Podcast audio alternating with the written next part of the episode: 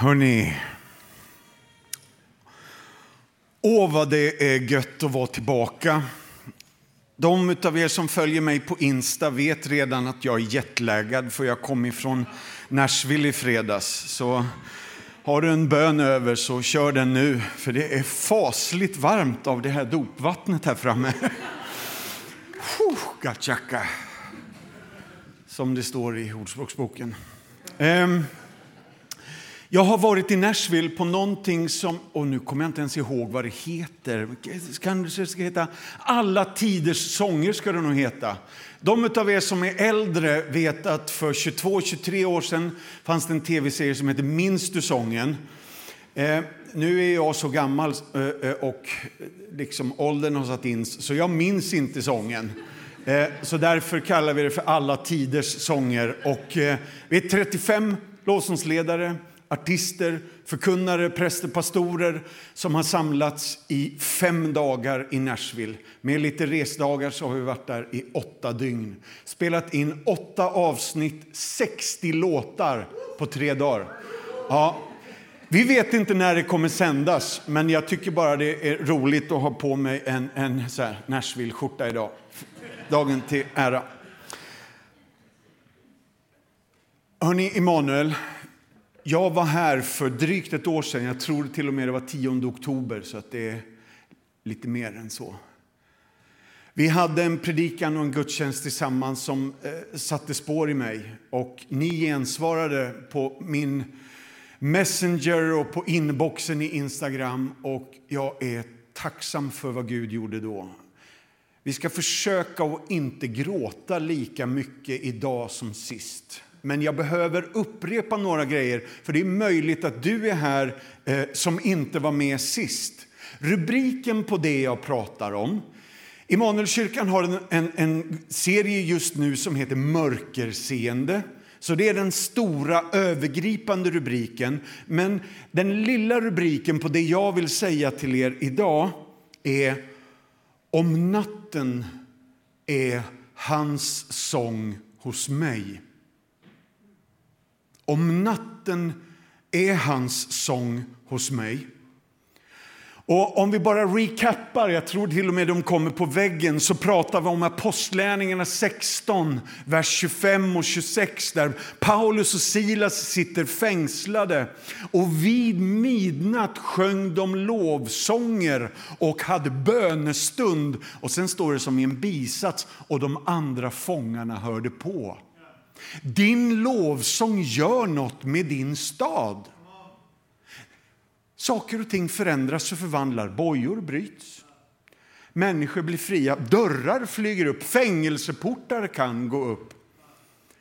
Så därför ska vi vara medvetna om att det händer något när vi är ett tillbedjande folk. Vi läste Habakuk, den deppigaste, eller kanske inte den deppigaste, en av de absolut deppigaste. Vi får ändå säga att den här killen, hade han gått till doktorn så hade han fått roliga tabletter utskrivna till sig.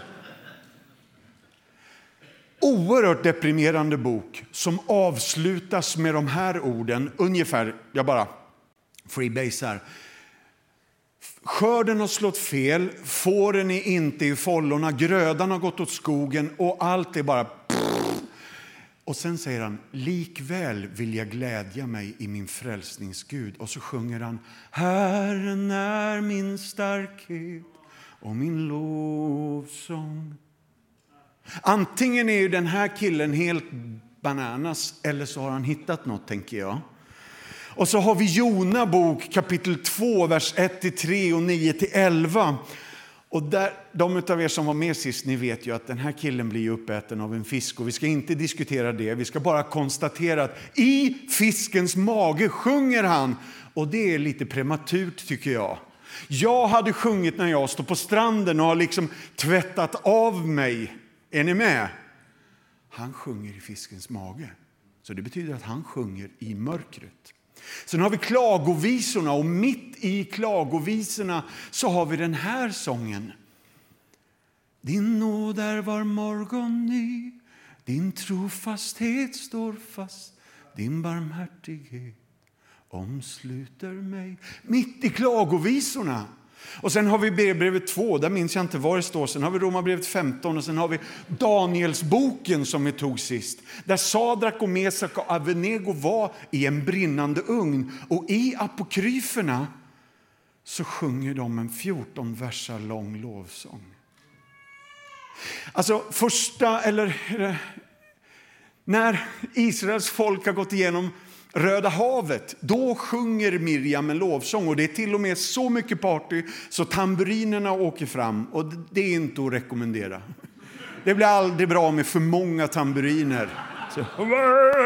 så. Men när de har gått igenom Röda havet så känner de nu är det läge för lovsång. Sån är jag. Hör mig här. Sån är jag generellt. Därför att när krisen är över så är jag lättad. Då kan jag sjunga. Men de här lirarna som vi läser om nu, de vi pratar om här, de sjunger i ugnen, i magen, i stormen, i fängelsehålan, vid midnatt. Och det här ger oss en teologi. Matteus 26 och vers 30 borde stått där.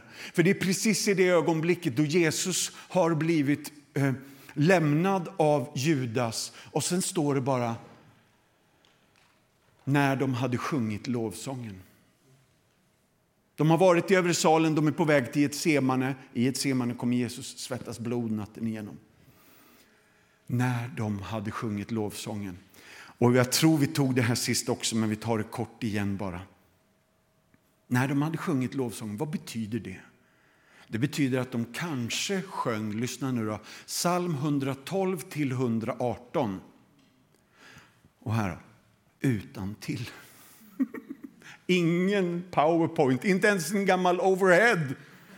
Utan det var liksom bara by heart. När de hade sjungit lovsången. Men lyssna nu då, det kanske inte är 112 till 118 utan det skulle kanske kunna vara 112 till 126. Och jag vill räcka upp handen och bara utan till. Alltså, hallå! Psalm 119, bara den är ju skitlång som grundtexten säger. Är ni med? Så här hör vi att det finns ett mönster som inte bara är apokryfen utan centralt för Israels folk var ett sjungande folk. Och den kristna kyrkan är en sjungande kyrka. Och grejen är, vi tycker att det är lite, mm, lite skavigt ibland. Det är klart det är. Alltså, jag får nog ärligt säga att Negro Spirituals föddes på grund av skavet. Alla deras, hela deras sångtradition uppkom på grund av det skavet. Så deras lovsång var liksom ett uttryck för den tiden. Och så kommer den kristna kyrkan tillsammans med resten av världen ut ur en lång coronaepisod, där vi kände att det där gör vi inte om, hörni. Det var ingen eh, liksom bucket list-grej som vi behöver få gjort. Och bara några veckor senare så förklarar Putin krig mot Ukraina. Och det svindlar till i det svenska hjärtat för vi har inte haft krig i Europa under min livstid. Och inte nog med att han håller på och tjafsar med Ukraina och resten av världen får vi väl ändå säga. I Sverige så får vi någon form av elkris och lovsången var... Där försvann den. Men vi är fortfarande ett sjungande folk. Vi är alltigenom, och jag på säga, i nöd och i lust är vi ett sjungande folk.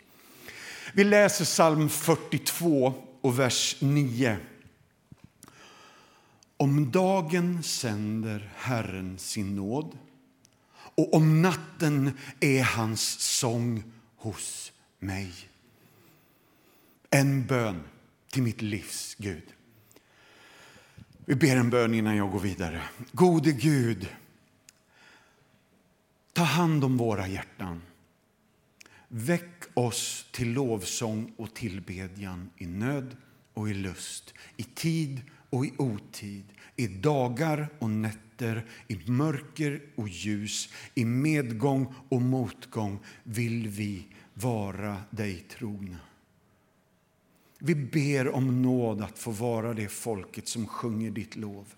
eh, i natten, på dagen och oavsett vilket liksom läge eller tillstånd vi är i. Vaka över oss så att vi inte gör våld på våra känslor utan sjunger det som är sant om dig i tid och otid. I Jesu namn. Amen. Friends, jag behöver bara säga något kort om doxologi. Ni kan få se en märklig slide på väggen.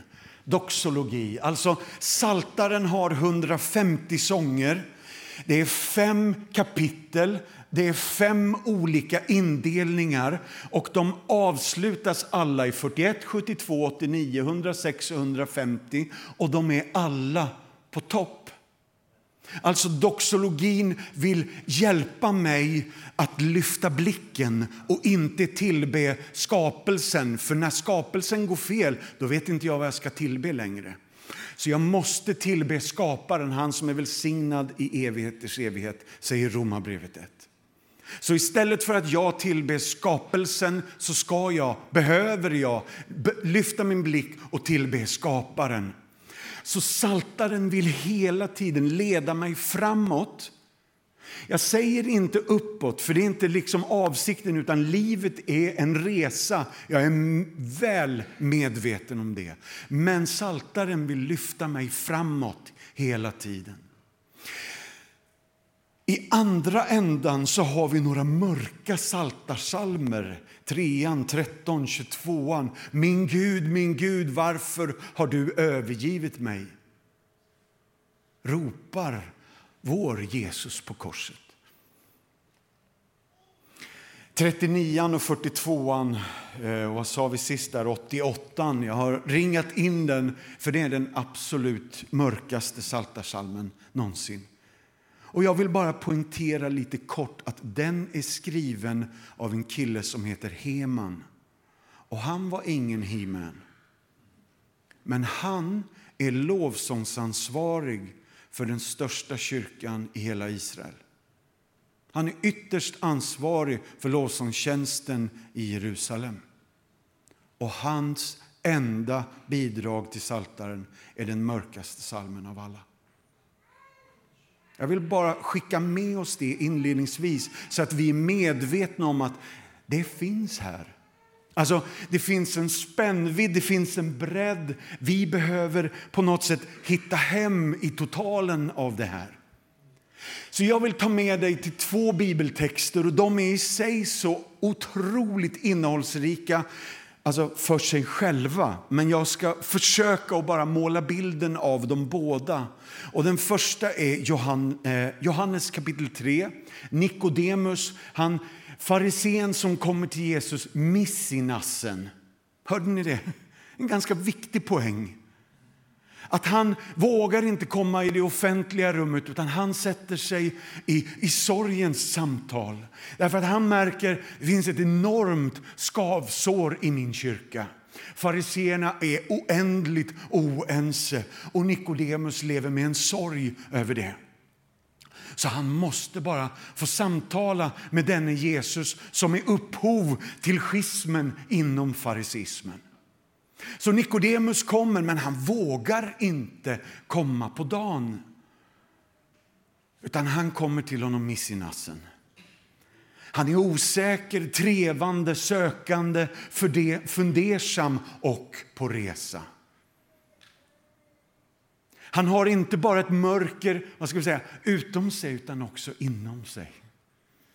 Det slits, det bänder och drar och han vet inte kan jag sjunga mitt lov till den här landsortsrabbinen ifrån förorten Galileen? Så han samtalar, processar, bearbetar. Om vi bläddrar igen så kan ni få se hur Nikodemus växer i tro. För det är en i sanning en oerhört intressant resa. Därför att hans sorg, hans skavsår och hans mörker det måste han få ta själv med Jesus till en början. Det är inget han gör publik därför att han är medveten om att de här besluten som jag behöver ta, de är mina egna, det är min resa. Men jag behöver ta dem med Jesus. Jag kan inte sitta själv kvar i min liksom virvar och förvirring, sorg eller smärta.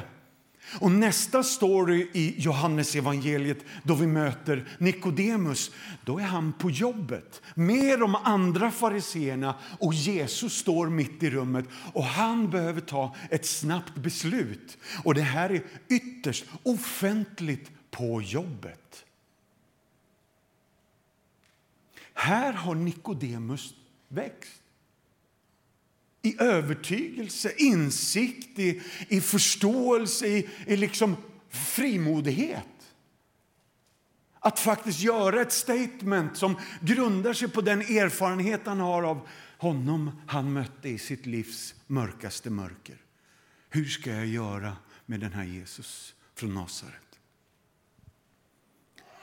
Den sista gången vi sen möter Nikodemus så skulle jag bara vilja räcka upp handen och säga lärjungarna har sprungit nu. Allihop. Det är efter Jesu korsdöd. Allt har faktiskt i det här läget varit becksvart i tre timmar. Himlen har varit mörk. Och Nikodemus och Josef från Arimatea kliver in. Vilka är det här? Två fariser.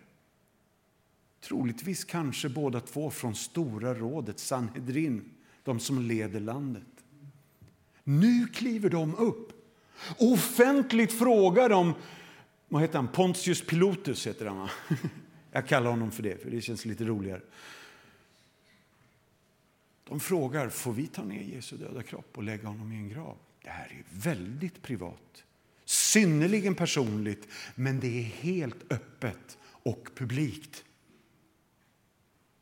Här ser vi att Nikodemus har vuxit. Han har gjort sin resa från den här natten med Jesus till att våga kliva ut i ett offentligt rum och säga jag hade ett rejält mörker. Det var till och med både mörkt utom och inombords. Och jag har gjort en resa som har lett mig framåt. Och här är nu mina beslut. Jag tror att Jesus Kristus är världens ljus och min frälsare, räddare. I Johannes evangeliet så är ju talet sju helt avgörande. Alltså Jesus talar om sig själv. Han säger jag är sju gånger. Det är sju vittnen som vittnar om Jesus. Det är sju stories om sju kvinnor. Ehm, det är sju mirakler. Det är sju uttalanden av Jesus på korset. Och lyssna nu då, håll i hatten. Den här visste ni nog inte om. Det är sju nätter i Johannes evangeliet. Så han är noga med att säga att det här kan vi inte förbise. Vi kan inte bara hoppa över det och gå på de glada happy clappy-bitarna. Utan vi behöver lära oss att mörkret föder ibland sånger inom oss som vi kan sjunga i ljuset, offentligt och publikt.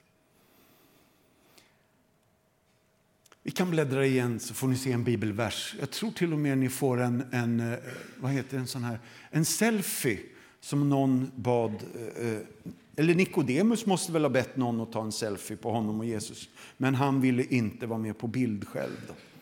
Johannes 3 och vers 2.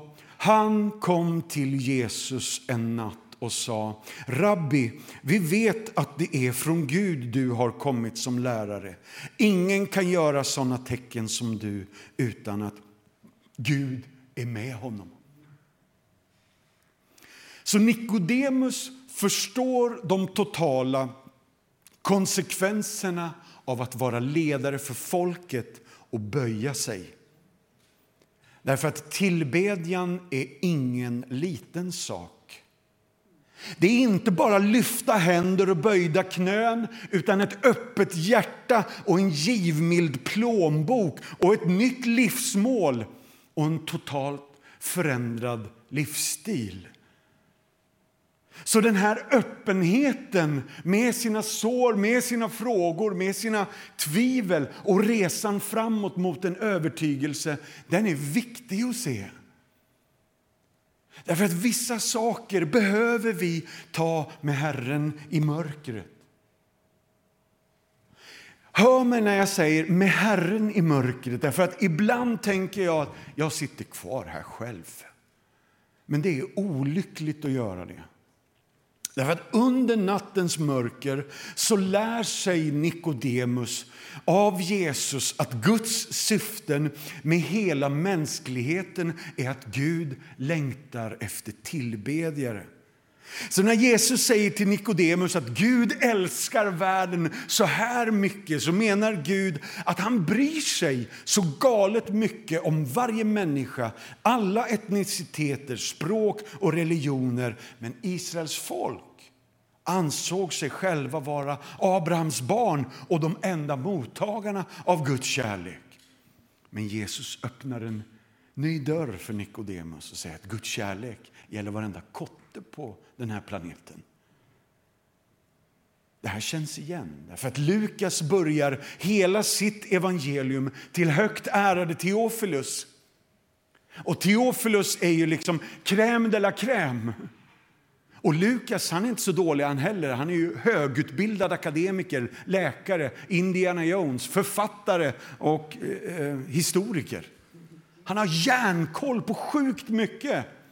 Och vad börjar han sitt evangelium med? Fem lovsånger. Den här gamla Sakaria som sjunger i templet. Och Symeon som sjunger i templet. Jaha. Men sen har vi Elisabet som sjunger i hemmet.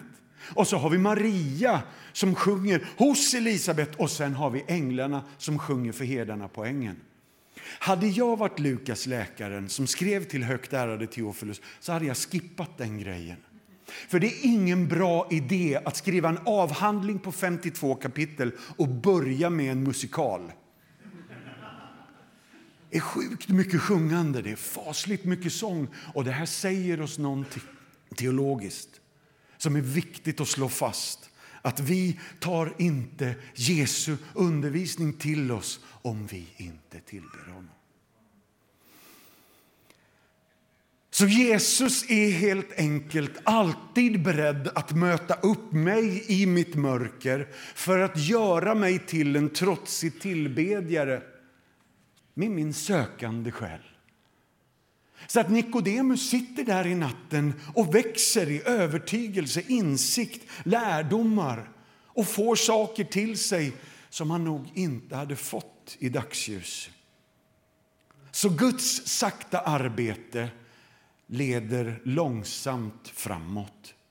Nikodemus är ju faktiskt lärarnas lärare men för han förstår inte riktigt Jesu undervisning om Andens vind och enkelhet eftersom Nikodemus just i det här läget har lite svårt att tillbe Jesus.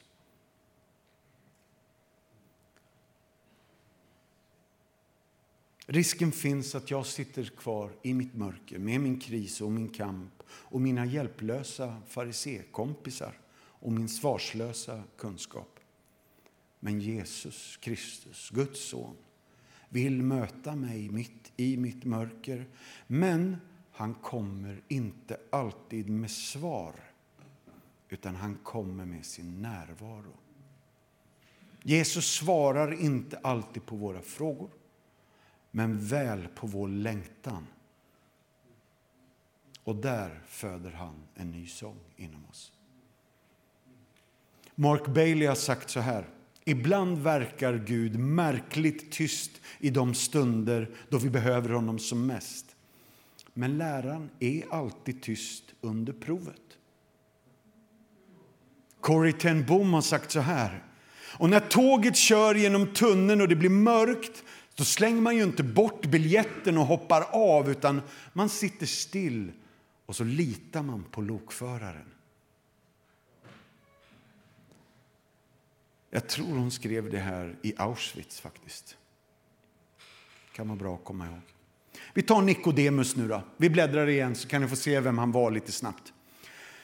Han var religiös, han var en judisk farisé och hans prestation var att han var medlem av Sanhedrin, de 70 utvalda. Så han är minsann crème de la crème. Hans klass är högre, han är rik därför att han kommer med dyr eh, balsam. Mellan 30 och 34 kilo. Asdyra grejer som bara gavs till kungar på den här tiden. Hans namn är välkänt och han har ett högt anseende. Hans andliga tillstånd är att han upplever sig vara rättfärdig, åtminstone i sitt eget och i andras ögon. Han har en utbildning som motsvarar en doktorsexamen idag. Vi kan bläddra, jag tror den finns där. Bläddra på ni bara. Där har du den. Han har en doktorsexamen Eh, hans kön är att han är man och det betyder att han är extremt privilegierad. Om vi bläddrar igen så skulle jag vilja prata om Johannes 4 och titta på kvinnan vid brunnen. Det är nästa kapitel bara. Ni vet Jesus går igenom Samarien, stannar vid en brunn och vill dricka vatten för ett samtal med en kvinna om det liksom vattnets densitet och hållbarhet och, och pH-värde och alla de där grejerna. Eh, och i samtalet med kvinnan vid brunnen så uppkommer det att hon har fem relationer bakom sig. En sjätte relation som hon är i nu. Så då vill jag bara fråga er, lyssna nu. För nu, är det, nu om vi hade varit på en hiphopklubb nu, då är det snart mic drop. Är ni beredda? Vem är den sjunde mannen i hennes liv.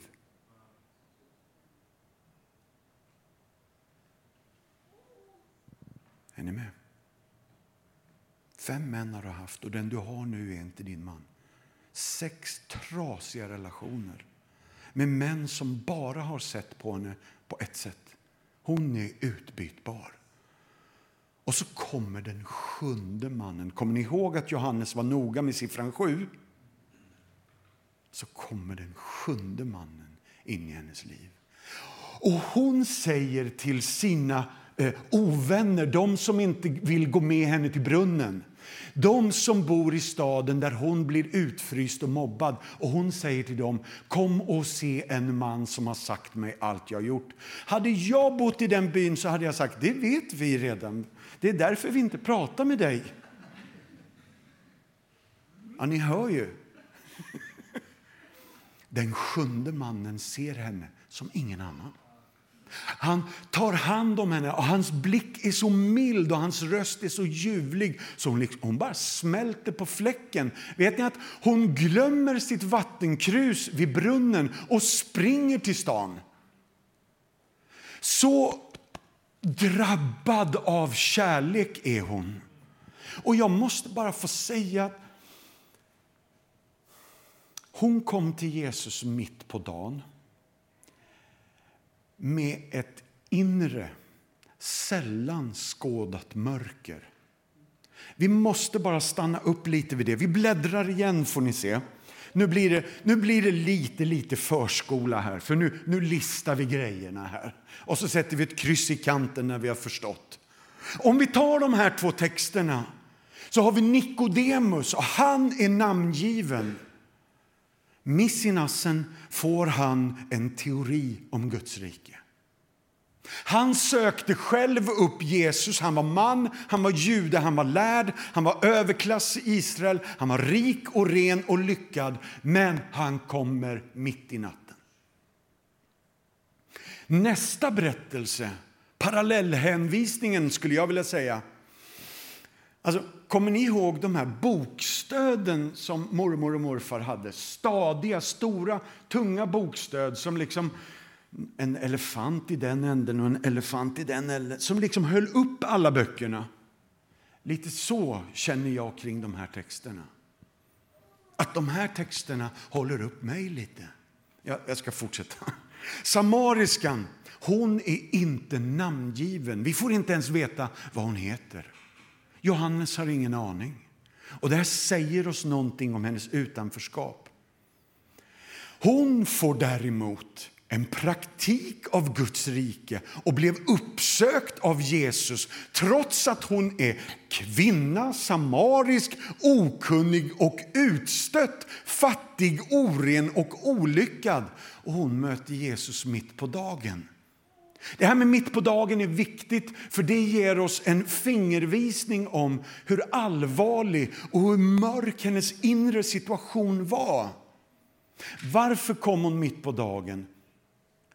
Därför att hon fick inte gå med de andra kvinnorna vid morgon och kväll. Det är vad alla teologerna är överens om. För i en sån här by så möttes alla i gryningen vid stora porten och så gick man gemensamt till eh, Jakobs källa som det här är. Den finns fortfarande kvar, den är 32 meter djup och den är fortfarande känd för det klaraste vatten flera mils avstånd. Så hon går inte med de andra kvinnorna och då måste vi fråga oss varför. Fem män har du haft och den relation du har nu är inte din. Lyssna nu då. Det här är Mattias Martinssons egen tolkning av den här texten. Det är möjligt att den här kvinnan är utsatt för våldsam trafficking. Därför att den relation hon har nu är inte hennes, utan en man har henne. Om du läser texten när du kommer hem så kommer du upptäcka att hon har inte en man, men en man har henne. Så hon finns hos någon. Hon skulle liksom kunna se sig som någons ägodel. Och ni hör ju hur avgrundsdjupt det här är. Ett riktigt inre mörker. Och så kommer den fullkomliga sjunde mannen in i hennes liv. Så bra! Johannes, han skriver ju så bra! Han får ju till det här så att vi helt plötsligt parallellläser de här texterna och fattar att om du är sån så kan Jesus ta hand om det. Men om du är sån, ja, hur ska... Ja, det går jättebra det med. Det spelar ingen roll hör på att säga, vilket dike du har landat i, eller trillat i eller ramlat i. Jesus vet och möter dig. Så varelsen, jag ska se om jag har det här. Nikodemus kommer till Jesus mitt i natten med ett mörker både på utsidan och insidan. Kvinnan kommer till brunnen och möter Jesus mitt på dagen med ett ljus utom sig men ett mörker inom sig. Och det här är för mig både själavårdande, trösterikt och djupt hoppfullt att båda de här exemplen finns här för oss allihopa. För då står de som ett sånt här bokstöd som jag var inne på. Så liksom, de hjälper upp mina livsböcker att eh, stå lite stadigare. Eller de är ett, ett trappräcke i en lång och kämpig trappa uppför. Liksom. Ja, ni fattar. Mm. Hmm. Vi ska se vart vi måste gå nu då.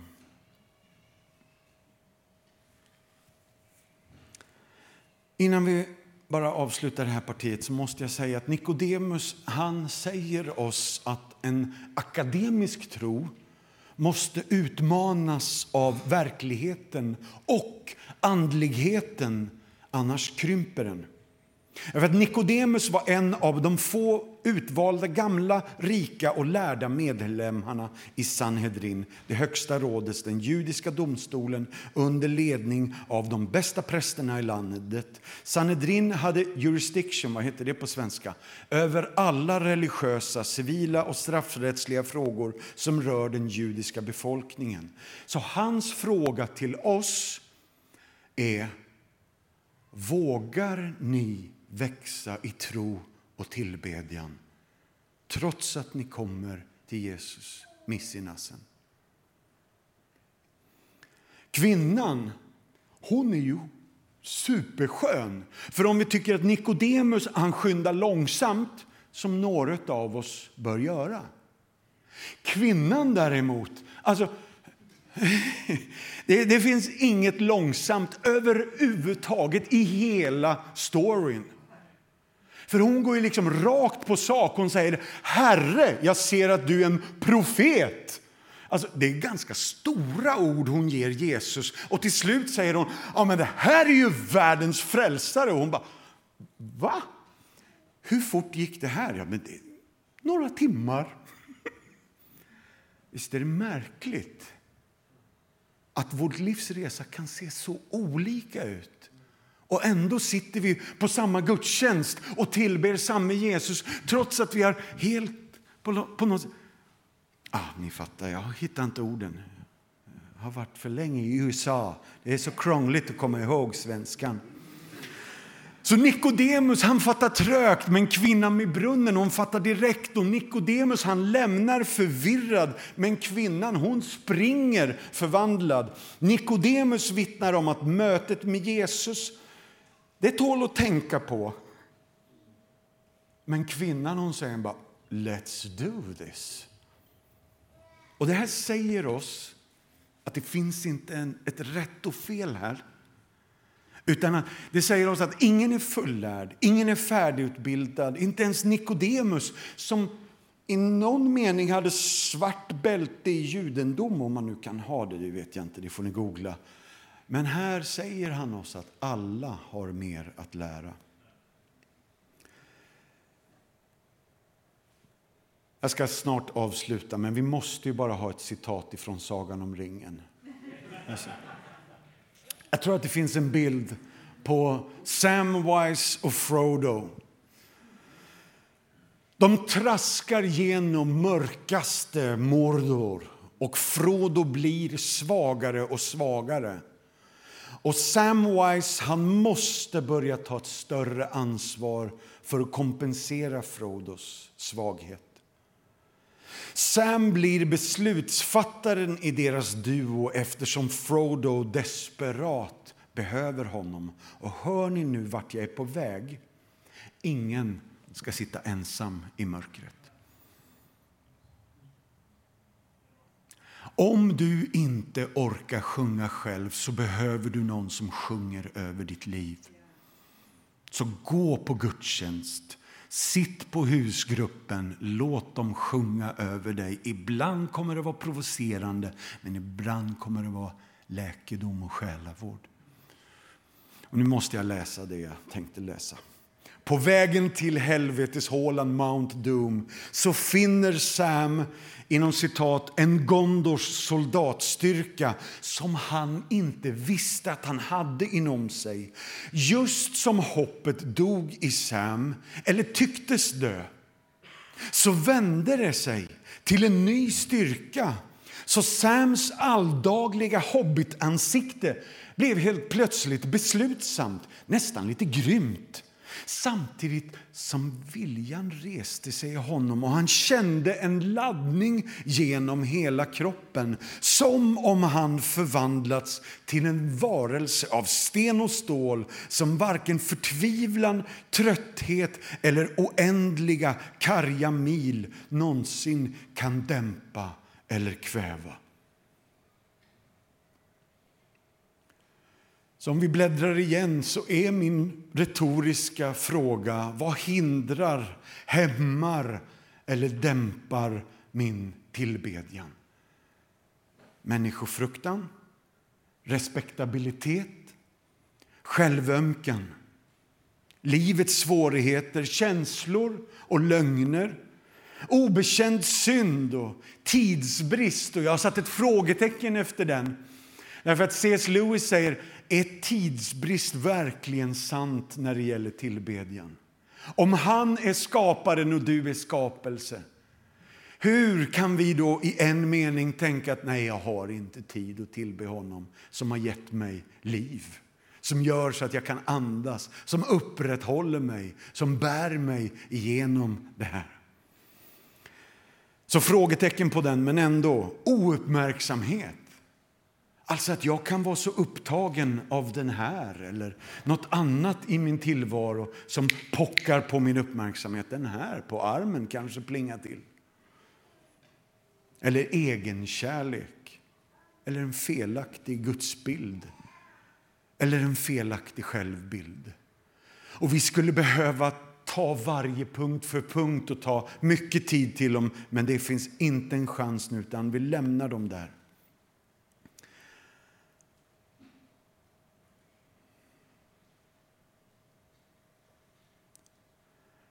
Behöver bara nämna om eh, På spåret, Christian Lok och Fredrik Lindström heter de va?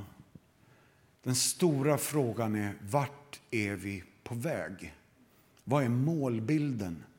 Jag tror att ni får två bibelord på väggen här. Det är Jesaja 30, vers 29. Då ska ni sjunga som under en natt då man firar helig högtid och era hjärtan ska glädja sig. Som när man under flöjtspel tågar upp på Herrens berg, upp till Israels klippa. Och Jesaja 45 och 3.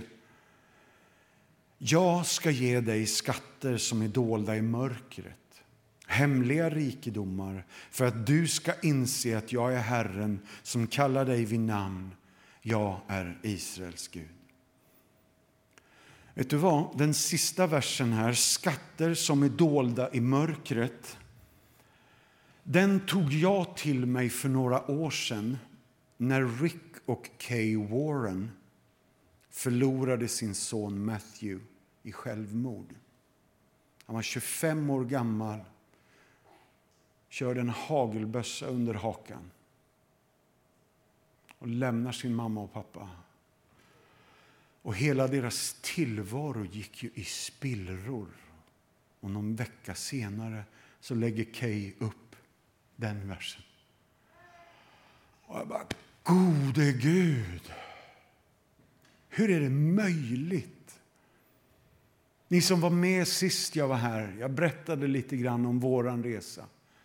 Att hela Hösten 2019 låg vi inne på Östra sjukhuset och kämpade för vår dotters liv i flera månader. Hon var 12 år bara. Alltså jag var så nära Moses när han, när han säger Gud, utplåna inte dem, utan om, om vi gör en deal. Du stryker mig ur Livets bok och så tar du med dem. Där var jag en hel höst. Varenda dag och framför allt varenda natt. Förhandlade. Och nu ska jag ärligt säga att nu är hon friskförklarad sedan maj förra året. Så att vi är i den meningen ute ur de dimmorna. Men när vi fick reda på att nu är hon friskförklarad så hände det mycket med oss som vi hade liksom hållit inom oss länge. Så vi får vara rädda om varandra på resan och sjunga över varandra. Ta varandra i handen och på något sätt Sam och, och, och Frodo bara på något sätt bära varandra framåt i det här. Yes, oh, tjena. Vi lovar inga tårar idag, så nu tar vi sista. Herren är vårt enda hopp i mörkret. Gud håller på att etablera sitt rike och i hans framtida eviga rike, lyssna noga nu, där ingår inte natt. Där finns det inget mörker. Och då finns det heller inga skuggor eller mardrömmar, sjukdomar, psykisk ohälsa och sorger och smärta och lidande kommer för evigt att var över. Så vart är vi på väg? Hit. Vi är inte där nu. Ingen är i mål på, på den här sidan snöret, på att säga. Men vi är på väg dit. Och de två sista bibelorden för idag nu då, sen ber vi. Uppenbarelseboken kapitel 22 och 23 till 25. Staden behöver inte sol eller måne för att få ljus. För Guds härlighet lyser upp den och dess lampa är Lammet. Och folket ska vandra i dess ljus och jordens kungar ska föra in sin härlighet i den och dess portar ska aldrig stängas om dagen och natt ska inte finnas där. Och kapitel 22 och vers 5 Ingen natt ska finnas mer. måste bara avsluta med en bild på Leonin Brezhnev som man alltid gör när man predikar. Är, är det några som är så gamla så ni kommer ihåg vem det var? Han, han ledde Ryssland långt innan Putin, eller ledde Ryssland. Ja, mm, ja, ni med. Ja, i alla fall. Mm, moving on. När han dog så var det landssorg i hela gamla Sovjet. Alltså det här skulle kanske för första gången bli en sån gigantisk offentlig världsvid begravning. Och den första presidenten från USA... Alltså det finns två George Bush, det är det jag ska försöka säga nu. Det är jättesvårt att säga. Nämligen. George Bush den äldre kan vi kalla honom. Han berättar om den här händelsen. För han jobbade åt Ronald Reagan på den tiden och de blev alltså inbjudna att närvara alltså på det här, vad heter det här torget? Stora, Röda torget, ja. Mm.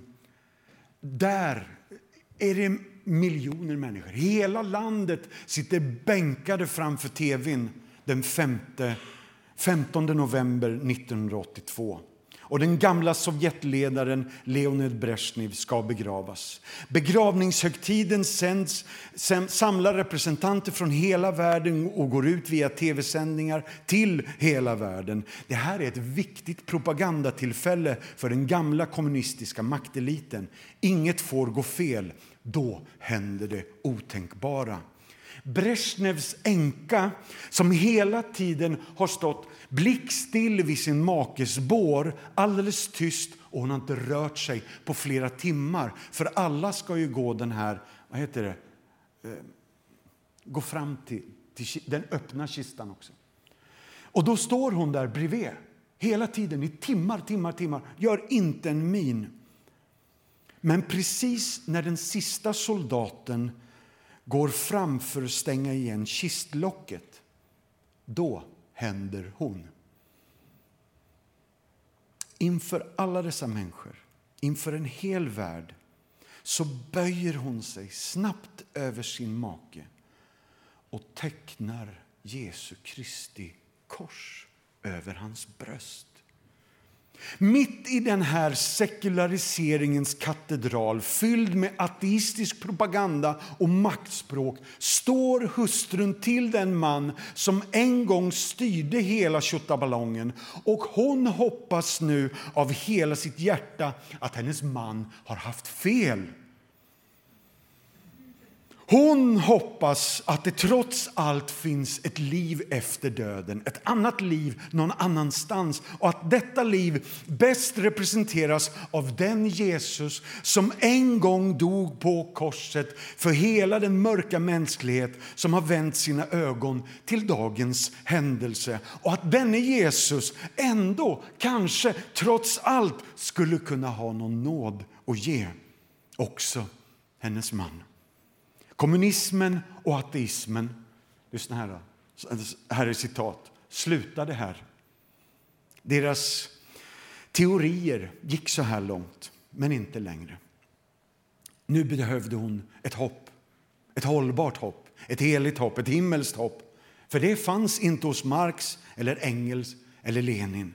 Så hon tränger sig fram till slut till Jesus Kristus, rör vid hans manteltofs med en tyst bön.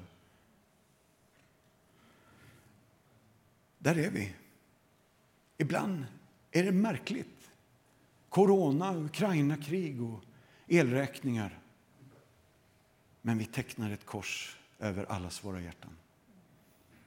Uppståndelse och liv och hopp och tro och helande och läkedom och själavård. Ja, ni hör ju, jag kan hålla på hur länge som helst. Jag, jag är jetlaggad, så jag är jättepigg nu. Nu ber vi. Gode Gud, du som ser oss, känner oss och kan oss utan och innan. Du vet mer än vad vi själva vet om oss själva. Du förstår oss bättre än vad vi förstår oss. Du som har koll och kontroll, du som råder och regerar, du vet precis vem vi är, vem jag är och vad vi har gått igenom och vilken själavård vi behöver. Och om vi tycker oss vara en akademiker som Lukas läkaren eller Nikodemus eller om vi är en estet med snabbfotad längtan som den samariska kvinnan som springer till sina bödlar och berättar om undret som redan har skett. Vart vi än är på skalan, Herre, möt oss där. Möt oss där. Du som har den enorma förvåg, förmågan att vara så specifik med varenda en av oss. Helt otroligt, Herre. Vilken kärlek du har. Tack att du är så god. Mm. Amen.